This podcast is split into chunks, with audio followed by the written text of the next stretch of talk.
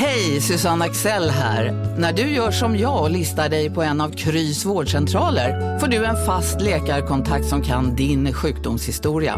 Du får träffa erfarna specialister, tillgång till lättakuten och så kan du chatta med vårdpersonalen.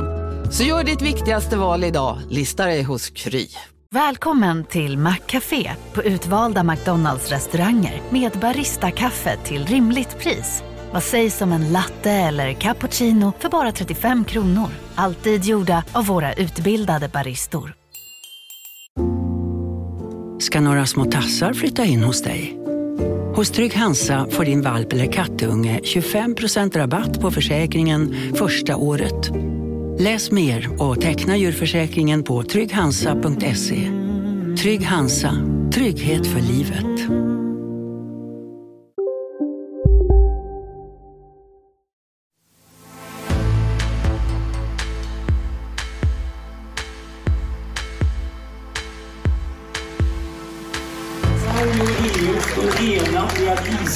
Rätt till folkförsvar inom ramen Det är inte så demokratin ska funka i Sverige och jag tänker inte anpassa mig till det. Herr talman, ett statsbärande parti har ansvar för att samla landet i svåra lägen.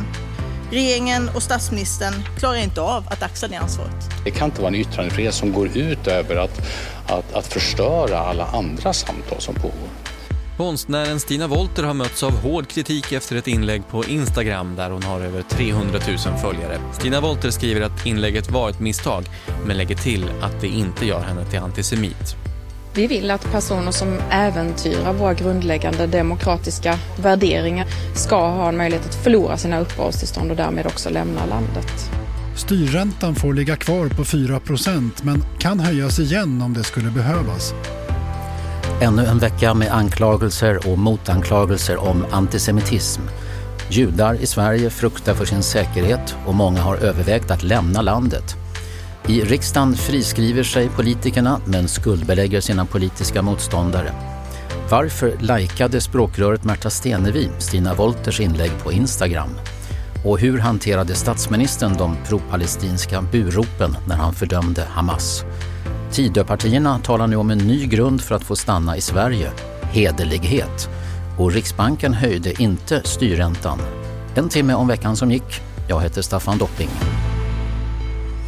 Ja, tänk att den här frågan om antisemitiska attityder och oförmågan att upptäcka och aktivt motarbeta antisemitismen skulle bli ett stort ämne ännu en vecka. Det är rätt uppseendeväckande tycker jag. Vi får se vad panelisterna säger om det. Och det är debutant tätt i veckopanelen idag. Jag säger hej och välkommen till Elinor Odeberg. Tack så mycket. Chefsekonom på Arena Idé. Då har du ett vänsterperspektiv i huvudsak, antar jag? Löntagarperspektiv. Löntagarperspektiv. Debutant två hämtar vi från politiska kanalen Riks, Rickard Sörman som är profil där och politisk redaktör. Välkommen. Tack så mycket. Då blir det Sverigedemokratiskt perspektiv eller kan det vara någonting annat? Eh, ja, det kan vi säga. Det står jag för, absolut. Och förutom att kommentera och diskutera politik så är du också docent i romanska språk. Ja, har jobbat på universitetet tidigare men lämnat det nu.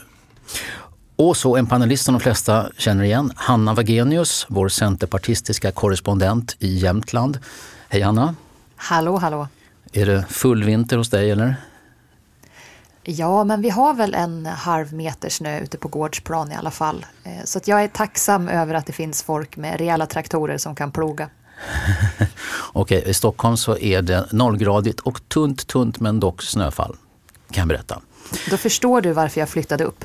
Uh, ja, ja om, det, om det var det som var skälet för att undvika det så förstår jag det. Men en halv meter snö? Mm. Vi börjar med eh, evenemanget på Göteborgska musik och teaterscenen Pustervik i tisdags. Det skulle bli after work, eller politisk frågestund, öppen för allmänheten.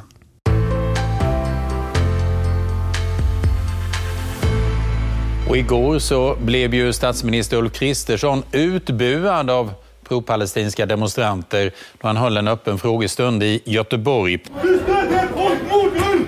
Du måste skämmas! Jag försöker svara på frågan, men eftersom jag blir avbruten hela tiden är det ganska svårt. Sverige och EU står enat i att Israel har rätt till försvar inom ramen folkrätten. var eh, förfärligt liv, skrek på varandra, störde mötet, gjorde allt för att det inte skulle kunna genomföras ett möte. Vi har ju mycket, mycket bred yttrandefrihet i Sverige och det ska vi ha också, men det kan inte vara en yttrandefrihet som går ut över att, att, att förstöra alla andra samtal som pågår. Ljudet här kommer från SVT. Eh, men det här mötet förstördes alltså enligt statsministern av politiska sabotörer. Gapande, gormande människor. Håller ni med Ulf Kristersson om att de propalestinska demonstranterna ägnade sig åt politiskt sabotage? Vad säger Hanna Wagenius? Det är ju svårt att veta när man inte var där. Jag menar, ett visst motstånd måste man vara beredd på att möta när man har ett offentligt politiskt sammanträde. Men när det går överstyr, och det verkar det ju ha gjort här, så riskerar ju det i förlängningen bara att leda till att det blir färre öppna politiska debatter och diskussioner. Och det är ju i förlängningen väldigt, väldigt problematiskt för vår demokrati och för vår öppenhet. Elinor Odemer, var det politiskt sabotage? Ja, jag håller med Wagenius i att det kan få den konsekvensen, åtminstone om man har den inställning som statsministern har, vilket är att eh, det ska vara liksom han själv som ska få hålla oavbruten liksom, låda. Jag tror att eh, han måste ta priset som svensk politiks största crybaby. Eh, man får ju nästan intrycket eh, utifrån att det här skulle vara något nytt fenomen. Att eh, politiska möten ibland resulterar i att folk är missnöjda, folk kanske skriker och är arga. Ehm, så är det ju inte och de flesta politiker eh, brukar ju hantera detta genom att inte försöka leda uppmärksamhet till den typen av personer som stör möten. Ehm, Eftersom att man också kan uppmuntra till nya sådana störningar. Om man märker att det får en medial uppmärksamhet så kan det få lite ett eget liv. Eh, det var lite som när han eh, uppmärksammade också den upphängda Erdogan-dockan och att det störde NATO-processen. Då får ju alla som var motståndare till NATO-processen kon på att ah, det här var ett effektivt sätt att eh, störa NATO-processen. Så att, han, han biter ju sig själv i svansen och ger ett ganska fåfängt intryck tycker jag. Rickard Sörman, vad säger du? Ja, nej, men jag tycker inte att det är en så svår fråga. Jag håller väl med det som Hanna Wagenius sa. Visst, det är klart att en politiker får räkna med skarpa frågor. Poängen var väl att den skulle ut och träffa vanliga göteborgare, vanliga människor i Sverige. Och eh, då kan det bli hårt. Men sen om det var så att de vägrade liksom, gå in i en dialog, att de vägrade ställa frågor, vägrade acceptera svar och står och skriker istället. Då går man ju över till någonting annat och då handlar det inte om yttrandefrihet längre utan att man försöker tysta varandra. Eh, och ja, då blir det problematiskt för då blir det svårt att ha ett politiskt samtal. Hanna, hade Kristersson kunnat sköta det här elegantare så att det inte blev så här bröligt och stökigt? Ja men säkert. Jag minns ju hur det var när eh, NMR var och skrek på Annie Lööf i Almedalen och hon fick ganska effektivt tyst på dem. Eh, men det där är ju också någonting som är jättesvårt att avgöra när man inte var på plats. Alltså hur var stämningen? Fanns det, fanns det någon typ av hotbild? Då är det naturligtvis väldigt, väldigt allvarligt. Eh, sen är det ju också framför allt otroligt ineffektivt att åka runt och skrika och eh, störa på politiska möten på det här sättet. Jag har svårt att se att eh, de här demonstranterna egentligen vann så jättestora sympatier i de breda allmänna lagen för den här liksom, typen av eh, tilltag. Ulf Kristersson han anser att vi i Sverige har en fin tradition av att lyssna på varandra, tala en i taget och inte avbryta. Och framförallt inte försöka tysta den som inte tycker som man själv. Eh, Elinor, har, vi, har han rätt? Har vi en sån tradition? Ja, det är väl vanligt hyfs som de flesta har, eh, att man eh, respekterar och låter varandra komma till tals. Eh, men det gäller ju även de som inte håller med honom och jag upplever att han Eh, anledningen till att han ger så mycket uppmärksamhet åt de här små eh, sammankomsterna där det har varit sådana här eh, störningar. Eh, även den här eh, 70-åriga mannen som skulle eh, kommit från någon klimataktion som skulle vara på något möte där han eller om det var Ebba Busch som skulle vara med, jag minns inte riktigt. som det också blev ett himla rabalder kring. att det är lite för att underblåsa eh, den allmänna tendensen att inskränka vår yttrandefrihet. Att man vill sätta bilden av att den är hotad och eh, eh att det är den här typen av ordningsstörningar, att det skulle vara liksom ett nytt fenomen. Eh, vi har ju ändå både inskränkningar i ordningslagen eh, uppe som förslag. Eh, man har den här idén om bristande vandel i, som ingår i tidavtalet. Det ska vi prata om sen. Det ja, men precis, men jag tror att, jag tror liksom att det finns en, en, ett politiskt skäl till varför man vill skapa en bild av att det här är ett stort problem, när det egentligen är någonting som ingår i de allra flesta politikers vardag. Det är tråkigt att det ska behöva vara så, absolut. Ehm, men eh, det är lite eh, en, en del av att vara en offentlig person är också att det kommer missnöjesyttringar. Åtta personer omhändertogs av polis. Är det liksom en normal grej på, på en, en politisk samtal? Nej, det är det ju inte. Absolut inte. Ja. Men om jag har förstått det rätt så berodde ju det på att Eh, man inte hade sökt tillstånd för den motdemonstration som var utanför eh, och inte på just hur man betedde sig inne. Jag är inte säker på den saken men det var det senaste jag läste om just gripandena. Mm, mm. Alltså, pro problemet med sådana här diskussion det blir ju ofta då att man eh, börjar praktisera de här dubbla måttstockarna. När ens egen sida drabbas då förstorar man det och då är yttrandefriheten hotad. När andra sidan drabbas då, då förminskar man det snarare. Och det här var väl liksom så att det här det är en del av demokratin att man får möta protester om man är statsminister. Ibland går det för långt. Jag var inte där som han också sa. Men har det gått för långt så kan man väl säga det. Det är inte så farligt att säga. Han upplevde ju själv tydligen eh, att eh, han kändes ju, tyckte att det var obehagligt. Och det finns ju en säkerhetsaspekt där också. Det såg inte ut som att han var speciellt skyddad. Det, det såg lite obehagligt ut tycker jag. Ulf Kristersson snubblade lite på orden när det var som mest spänt i lokalen här. Ni kanske hörde det här i, i löpsedeln. Han skulle av allt att döma säga att Israel enligt folkrätten har rätt att försvara sig. Eh, det är vad jag tror att han var på väg att säga. Men, eh, och att EU och Sverige står bakom den rätten. Men han sa ju då Israel har rätt till försvar inom ramen för folk började han säga innan han ändrade sig till försvar. Ehm, en del röster tolkar det där ordsnubblet som att han menade folkmord. Det här blev viralt och nu har det till och med påverkansoperationer och arabiskspråkiga medier som påstår att han sa folkmord. Vad säger du om det här?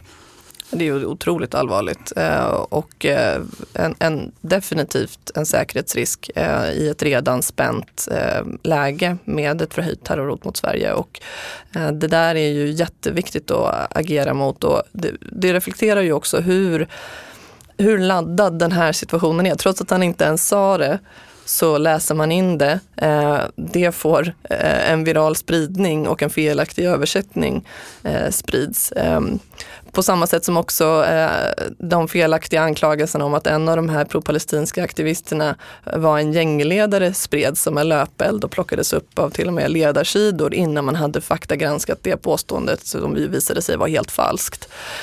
Så att jag tror att man måste ta ett djupt andetag eh, i alla sådana här sammanhang eh, innan man sprider information och där har vi alla eh, ett ansvar. Det är något av en slags överspänd atmosfär som råder i både samhället och medierna just nu. Mm. Ja, min, min, tolkning på det och förklaring till det, det är ju delvis, dels det internationella naturligtvis, för det är inte bara i Sverige och så, så är det ju. Men det är klart att just i Sverige så har ju den här överspändheten kommit som ett resultat delvis av en invandring där vi har fått hit konflikter som vi inte skulle behöva ha. Där Mellanöstern i konflikt, eh, konflikten då i Mellanöstern delvis nu finns i Sverige och även eh, att islam då finns i Sverige. Så att det är klart att jag anser att det har bidragit till att destabilisera Sverige och att göra det farligare på ett sätt som inte hade varit nödvändigt. Det är ju inte alla som tycker... Fast jag skulle säga, mm. alltså, vi har haft en tradition av att vara ganska överspända i Sverige under en lång tid på ett sätt som inte har så himla mycket med invandringen att göra. Eh, jag har ju liksom blivit kallad för moderat infiltratör i Centerpartiet och det är nyliberalism som kastar oss åt det ena och det andra hållet när man liksom bara föreslår en moderat skattesänkning. Så att det här med överspändhet har mindre att göra med eh, med invandring och mer att göra, skulle jag säga, med det allmänna debattklimatet som under hela 2000-talet har gått i den här riktningen där man väljer att tolka varandra på sämsta möjliga sätt. Så har det varit jättelänge, så har det varit från alla håll och det är ett jäkla problem. Det vore, om någonting gott kan komma ur det här ordsnubblet från statsministern så är det kanske att vi chillar lite med det framöver. Men det är ju helt riktigt att, att det har eh, det är människor med rötter i den här konflikten som nu är eh, fruktansvärd som utspelar sig mellan Israel och Hamas och det är eh, tusentals eh, civila liv som eh, går till spillo och en enorm förödelse i Gaza. Eh, familjer som fortfarande saknar sina medlemmar som är gisslantagna. Och, eh, det, det är klart att det här går ju under huden på, på, ett helt annat sätt hos människor som, som har rötter i den här konflikten och som har rötter i området eh, än vad det kanske gör eh, hos oss som sitter just nu och ska kommentera det här. Men då tycker jag att man som statsminister har en otroligt viktig roll att försöka lugna ner, att inte spä på motsättningar och polariseringar. Och det har ju statsministern och regeringen fullkomligt misslyckats med. Eh, det tycker jag man måste vara ärlig och säga och det är ett svagt ledarskap i, ett, i en väldigt orolig tid. Ja, två saker. Dels det här med som Hanna sa, att det här tendenser att man ska misstolka motståndarna medvetet för att skapa ett ett politiskt drev, det stämmer ju. Det är helt uppenbart att vi har det eländet och det får ju politiker och politiska opinionsbildare hela tiden tänka på. Inte bara vad man säger utan även hur det kan misstolkas och så vidare. Så att det är ett elände. Och sen håller jag med om det här att jag tycker att, för du sa i början där Staffan att du tyckte det var uppseendeväckande att vi har, eh, att vi har en debatt igen om eh, eh, antisemitism i Sverige. Och jag håller med om det här. Alltså, har man människor i Sverige som har en bakgrund i Mellanöstern, som kanske har bakgrund i Palestina, för vilka det här är liv och död. De är engagerade i någonting som de tror på. Då kan vi inte räkna med att de ska bara ta det lugnt i Sverige och tycka att det ska vi hantera i hur lugnt som helst. Vi ska inte gå ut på gatorna. Så jag, jag menar, jag är svensk nationalist i en, i en begränsad moderat rimlig mening. Jag kan inte förneka andra att kämpa för det som de tror på. De finns i Sverige. Jag förstår att de, eh, att de, att de är upprörda och så vidare. Det är ju inte alla som tycker eh, uppenbarligen att det är statsministern och finansministern som har gjort allting rätt här. Och en som eh, tycker så är socialdemokraten och förra klimatministern Annika Strandhäll som hade några beska ord till Ulf Kristersson häromkvällen. Hej, Synoptik här. Livet med glasögon ska vara bekymmersfritt. Därför får du 30% på alla glasögon när du väljer Synoptik All Inclusive. All service ingår alltid. Välkommen till Synoptik. Big Mac har miljarder fans över hela världen. Under mer än 50 år har den skapat popkulturell historia. En legend med 100% nötkött och den mytomspunna såsen. Nu finns Big Mac för bara 39 kronor på McDonalds. Okej hörni, gänget! Vad är vårt motto? Allt är inte som du tror. Nej, allt är inte alltid som du tror. Nu täcker vårt nät 99,3 procent av Sveriges befolkning baserat på röstteckning och folkbokföringsadress. Ta reda på mer på 3.se eller i din 3-butik.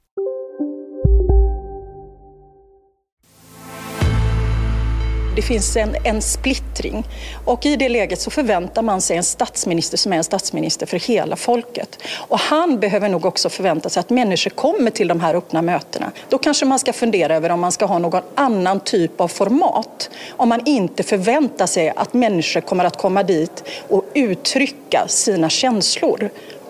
Så sa Annika Strandhäll till SVT Rapport i onsdags och kvällen innan hade hon twittrat att det var skönt att folk höjer sin röst. Ehm, ja, det var näst, lät nästan, Elinor, som att eh, du var lite grann på samma linje som Strandhäll här, i synen på just hanteringen av, eh, av, människorna som kom till, till den här frågestunden. Ja, jag håller ju verkligen med om att man har misslyckats i att ha en enande och eh, dämpande så att säga, retorik utan att man har tvärtom lyckats spä på motsättningar i ett väldigt känsligt läge. Och ehm, jag uppfattar att han verkar ganska ovan vid det här formatet och att ansvarsutkrävas på det här sättet. Eh, han har väl eh, kanske und lyckats undvika det under sin politiska karriär. Jag har liknande erfarenheter som Hanna. När jag var eh, regionpolitiker så gastades det om att jag gick patriarkatets ärenden för att jag tyckte att förlossningar skulle företrädesvis äga rum på sjukhus och så vidare. Så att man, man har ju varit med om sånt här och är beredd på det i den här typen av, av sammanhang. Sen var ju ingen av oss där som ju Eh, har påpekats här, så att man vet ju inte hur mycket av det här som är ehm, överdrifter eh, också från, från Kristerssons sida. På, på det stora hela, vad anser ni om sådana här town hall-liknande frågestunder där politiker på höga poster svarar på frågor som de i många fall kanske inte alls känner till i förväg? Det är ju liksom lite amerikanskt men det har har kommit in lite mera och även Kvartal har varit eh, arrangör av, av, av sånt inför förra valet. Ja, det är väl svårt att vara emot att politi folkvalda politiker ska gå ut och träffa vanliga medborgare. Det är väl eh, så, så det borde kunna fungera i en demokrati. Så att det, är, det är svårt att tycka någonting annat, att det är en god idé. Men är det ett format, Hanna, som, som är svårt att hantera för, för många politiker som inte är så vana vid just sådana här stämningar och utmaningar?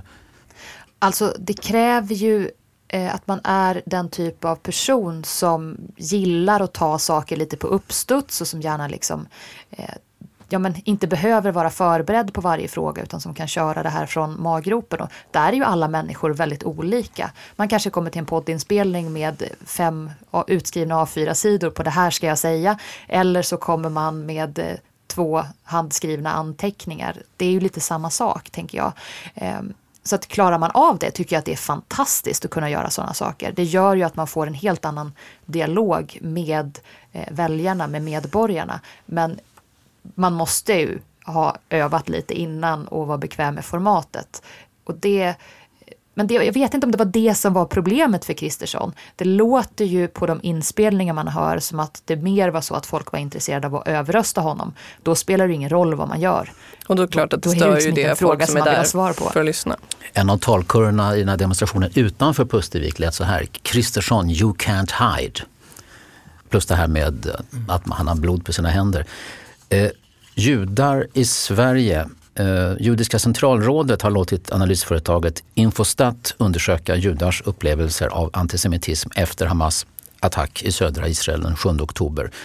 71 procent uppger att det den senaste månaden har blivit mycket otryggare att leva med öppen judisk identitet.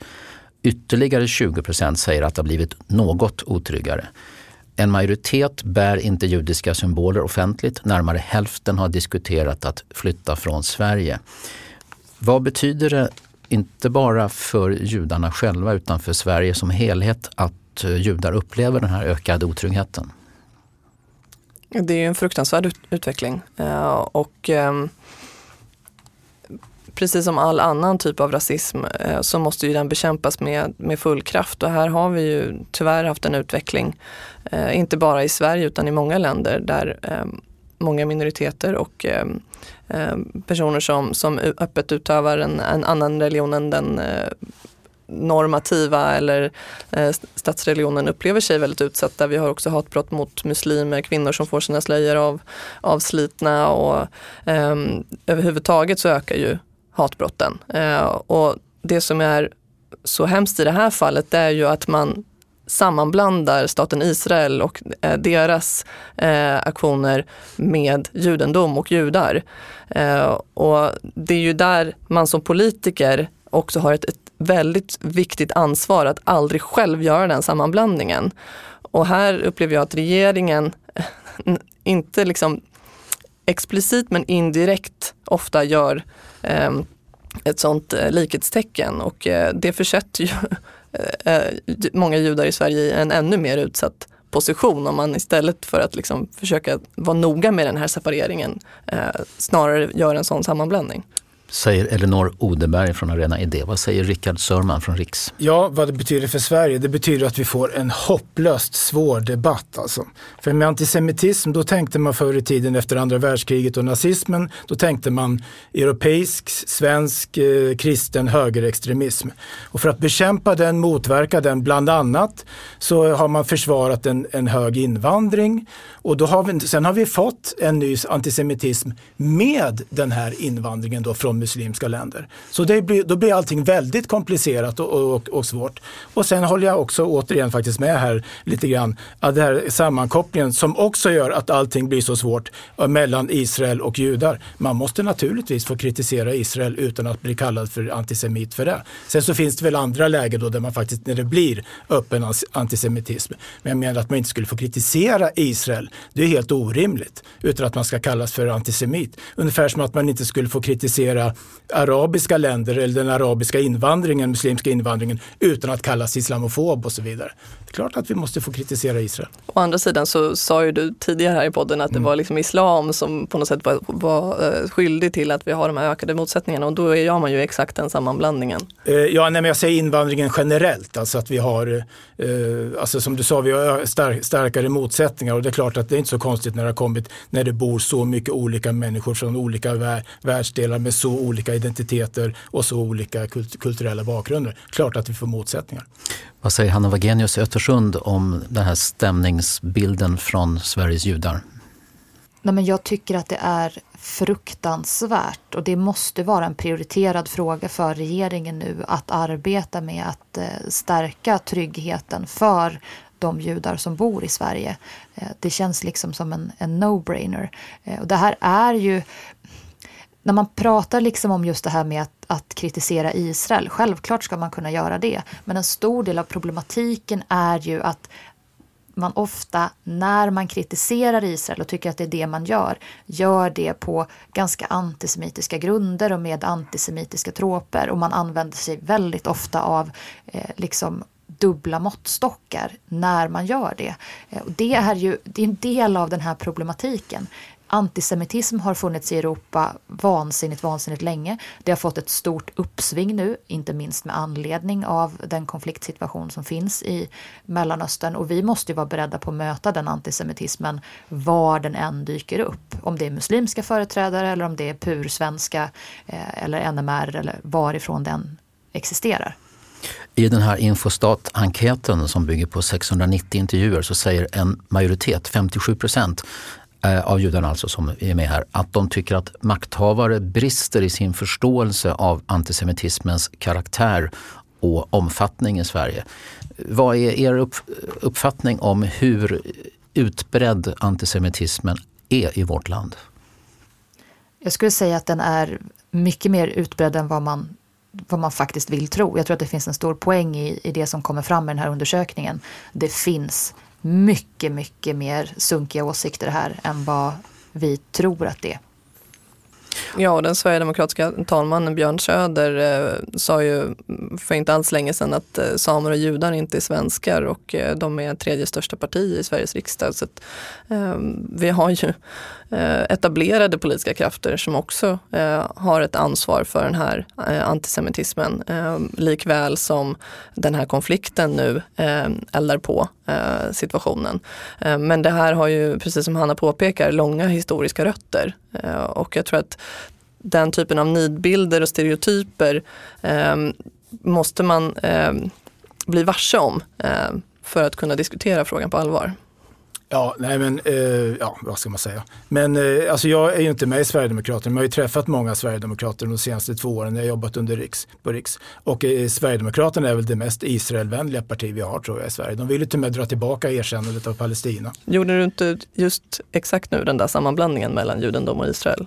Uh, ja, möjligtvis. Men den är väl också inte helt orimlig att göra. Det, jo, jo, men den, men den görs ju så att säga. Och så SD, jag menar Israel vill ju inte samarbeta med SD Nej, heller ja, eh, av ja, eh, historiska skäl och mm. eh, på goda grunder. Så att, mm. Men det där som Elinor sa nu om att Björn Söder och andra har sagt att judar och samer inte är svenskar, vad säger du om det? Ja men det är ju så det som man tar fram när det passar så att säga. Men man kan ju prata om palestinier till exempel. Är de palestinier? Ja. Det betyder att de är svenskar också. Alltså det där använder man när det passar. Jag, han, han, han, han, menade väl att de har någon annan, annan form av identitet också. Medan andra då bara har den svenska identiteten. Vad är problemet? De är väl lika mycket svenskar ändå i någon mening. Det, det, det, det, det där är att man letar upp, man är besatt av en antisemitism hos SD som inte finns. Jag har inte sett den i alla fall. Antisemitiska myter och föreställningar kan komma från många håll. Influeraren och konstnären Stina Wolter skrev om Israel-Hamas-konflikten i veckan. Jag tror faktiskt inte att varken DN eller Expressen förstår vilken skada de åstadkommer när de använder ord som antisemitism och judehat. Konstnären Stina Wolter har mötts av hård kritik efter ett inlägg på Instagram där hon har över 300 000 följare. I inlägget lyfter hon fram falska uppgifter om kriget mellan Israel och Hamas. Efter kritiken har Volter själv bett om ursäkt för att hon fört vidare uppgifter som inte stämmer. Stina Volter skriver att inlägget var ett misstag men lägger till att det inte gör henne till antisemit. Från Sveriges Radios Kulturnytt. Rickard Sörman, vad säger du om Voltergate? Eh, ja, nej men jag bryr mig egentligen inte så mycket om det. Jag undrar bara var de fick de där uppgifterna ifrån. För det var ju då det här gamla med, med barn och så vidare. Så att, eh, visst, nej men hon kanske faller in om man ska vara kritisk då. Ja, så organstölder framförallt. Ja, just det. Så faller de väl in då i en kanske något slentrianmässig Israelkritik eller judekritik här då. inte ska blanda ihop sakerna. Eh, och att det då åter, hon återtar de här gamla eh, föreställning, antisemitiska föreställningarna. Jag tror inte, jag känner inte Stina Wollter, jag tror inte att hon är antisemit. Hon har dragits med i någonting här som hon inte visste vad det var för någonting och antagligen inte förstod heller riktigt. Ulrika Knutsson är numera ordförande i Svenska kommittén mot antisemitism och hon skrev om det här i Göteborgs-Posten att eh, Volter gav bränsle åt urgamla antisemitiska föreställningar. Eh, hon hade bland annat skrivit att Israel systematiskt har tagit organ och hud från dödade palestinier eh, och förfalskat bevis och ljugit om beheaded babies eh, och annat. Eh, DNs ledarskribent Isabelle Hadley Kamms har skrivit en text om att när man sprider konspirationsteorier som det här var frågan om med rubriken Kulturkvinnan Stina Wolter ekar samma gamla judehat i vanliga fall oroar vi oss för att ungdomar är dåliga på källkritik och riskerar att radikaliseras på nätet. Uppenbarligen borde den oron utvidgas också till uppburna kulturkvinnor. Tar de i för mycket här, Eleonora, eller är det rimliga, rimliga bedömningar? Jag tycker det här är precis ett exempel på just den här typen av konspiratoriska och eh, nidbilder om, om judar som eh, är rent antisemitiska och som upprepas av personer. Att hon, att hon själv inte ens förstod kritiken visar ju eh, hur, vilket stort behov av någon slags fortbildning i detta det, det finns. Um, så att, Eh, jag tycker att det var bra att hon, att hon har mött den kritiken och eh, det visar igen eh, den här, man ska försöka vara en vit riddare för någon grupp och så slutar det med att man liksom trasslar till det och ehm, framställer en annan grupp i lika dålig dag. Så det, det är ju liksom det där blev, blev bara fel och ja, det är bra att det fördöms. Stina Wolter blev senare intervjuad av Kulturnyheten SVT och hon har ju medgett så sagt att, att hon got carried away. Eh, hon fick länkar som skickades till henne och som hon sen spred vidare. Då. Men hon sa så här att anklagelserna mot henne det är ett karaktärsmord. Hanna? Nej men det här är ju liksom så typiskt för, för våran samtid eh, när hon säger att nej men jag är inte antisemit. Vad spelar det för roll? Hon har spridit uppenbar antisemitism. Om hon liksom i själ och hjärta känner något annat, det är ju det är lite skitsamma. Det vi kritiserar här är gärningen. Och jag såg att SVT hade intervjuat Isabella Hadley-Kamp om just det också, som påpekade det även i den intervjun. Att poängen är inte vad Stina Volter känner i själ och hjärta utan det är vad hon faktiskt gör och det måste få kritiseras. Jag tror att är det någon som inte har förstått vilka konsekvenser någonting får så är det kanske Stina Volter i det här fallet. Man kan inte skriva sådana här saker utan att vara medveten om konsekvenserna. Och någonstans bör man väl kanske också reflektera över att om man tycker att det är ett starkt argument eh, mot ett land att så här, nej men jag tror inte att det var några bebisar som blev halshuggna. Då har man ju gått otroligt fel. Ja, det är ju inte som att det inte finns skäl att kritisera Israel i den här konflikten som har eh, faktagranskats och eh, det finns trovärdiga källor på. Man behöver liksom inte eh, ägna sig åt den här typen av konspirationsteorier och jag tycker att det förstärker igen vikten av att vara försiktig med vad man delar eh, helt enkelt. Eh, och, och Apropå det, apropå det, i en annan text på sociala medier där Stina Wolter försvarade sig efter det här första då, så fick hon till att börja med en like eller en gilla från Miljöpartiets språkrör Märta Stenevi. Eh, hon tog bort den där gilla-markeringen efter ett tag Eh, sent i torsdag kväll så hade Märta Stenevi fortfarande inte kommenterat den där gilla-tummen, eh, eller kanske var ett hjärta förresten. Eh, men i morse, alltså fredags morse, gjorde Märta Stenevi ett uttalande om sin like. Eh, I en skriftlig kommentar till Svenska Dagbladet säger hon att hon är otroligt ledsen över att hon inte hade läst ordentligt innan hon hade gillat det här inlägget som visade sig innehålla desinformation utan grund, något jag inte uppmärksammat. Eh, ja, nu har hon alltså backat för det, men det verkar som att det, verkar svårt att helt och hållet liksom Eh, utradera effekten av den här typen av budskap, eller vad säger ni? Ja, alltså jag skulle kunna säga, som, eftersom jag då så att säga, representerar här nu den nya högern här, så skulle jag nu kunna passa på att säga titta hon är antisemit och så vidare. Alltså det, jag tror att det handlar om slentrianmässighet, ett slarv. Sen eventuellt om man ska bli politisk så handlar det väl kanske möjligtvis om att vänstern är ovan vid att anklagas för att vara rasister. Alltså eh, antisemit och rasism och så vidare. Det är möjligt. Medan man på högersidan har lärt sig i alla fall etablerade politiker naturligtvis, inte alla på sociala medier, men etablerade politiker har ju lärt sig, jag läser innan jag likar. För annars så vet jag att jag får hela media-Sverige eh, emot mig. Möjligtvis att det finns en sån dimension. Är det så ni gör? Ni läser innan ni likar? Ja, det får man väl eh, försöka göra. Jag är, inte övertygad, jag, är inte övertygad, jag är inte övertygad om att det var en Märta Stenevi som, jag vet inte om hon sköter sin egen sociala media. Uh, om det är någon medarbetare som har likat ja, det... i så fall. Inte för att det spelar ingen roll för effekten som du är inne på. Men, men jag har ändå fått intrycket att när hon säger så här att hon, hon, är ledsen och hade inte läst ordentligt, då låter det inte som att det är en medarbetare som har gjort det här på hennes vägnar, eller hur? Det låter väl ändå eller så tar hon en kula för en anställd. Det, men jag, jag har ingen aning, effekten är ju densamma och det är ju det som är så allvarligt när det sprids den här typen av, av eh, antisemitiska lögner och, och, konspirationer för då, eh, då får det fötter väldigt snabbt och det leder precis till den här utsattheten som många judar i Sverige nu upplever. Ja, det blir mycket om antisemitism i veckopanelen men det har varit en speciell vecka också. Och i tisdags var det en särskild riksdagsdebatt i frågan. Liberalerna hade begärt den. Eh, alla partier ville bekämpa antisemitismen men efter ett tag började debatten handla om annat än den här antisemitismen som möter judar i Sverige. Eh, vi hör Socialdemokraternas Lena Hallengren, Liberalernas Malin Danielsson, Sverigedemokraternas Alexander Kristiansson och sist kulturministern, moderaten Parisa Liljestrand.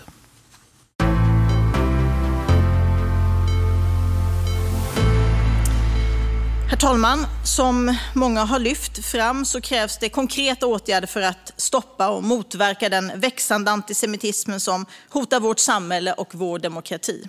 Det behöver göras till handling, även när grupperingar från vänster väljer att förminska Hamas barbari och gömma sin antisemitism bakom ett engagemang för Palestina. Ja, det är häpnadsväckande att man inte bara kan, att man går runt elefanten i rummet så mycket som man gör från vänstersidan. Däremot så skulle Alexander Kristiansson kunna få svara på, eftersom ni nu styr regeringen, hur agerar ni för att stoppa antisemitism och andra, andra former av hot och hat som nu splittrar vårt land. Tack. Jag vill eh, börja med att tacka för en mestadels god debatt om antisemitismen i Sverige. Men jag noterar också en annan sak. Att det inte ens när det är just antisemitism som är ämnet för dagen så kan vi hålla oss till det. Vi måste också prata om andra typer av rasism. Men det omvända gäller aldrig. Det är intressant, tycker jag. Sist här moderata kulturministern Parisa Liljestrand. Och det där sista var väl en passning till de tre rödgröna partierna som gärna talar om islamofobi och rasism i allmänhet i samma andetag som antisemitism. Ja, nu är det slut på gratisversionen av veckopanelen. Det är ungefär halva podden kvar och fortsättningen är bara för prenumeranter. Men den kan du höra ändå för just nu kan du prenumerera gratis på Kvartal i två månader. Inte ett öre. Få Kvartal Total i två månader. Gå in på kvartal.se kampanj. Så behöver inte våra vägar skiljas. När vi har kommit halvvägs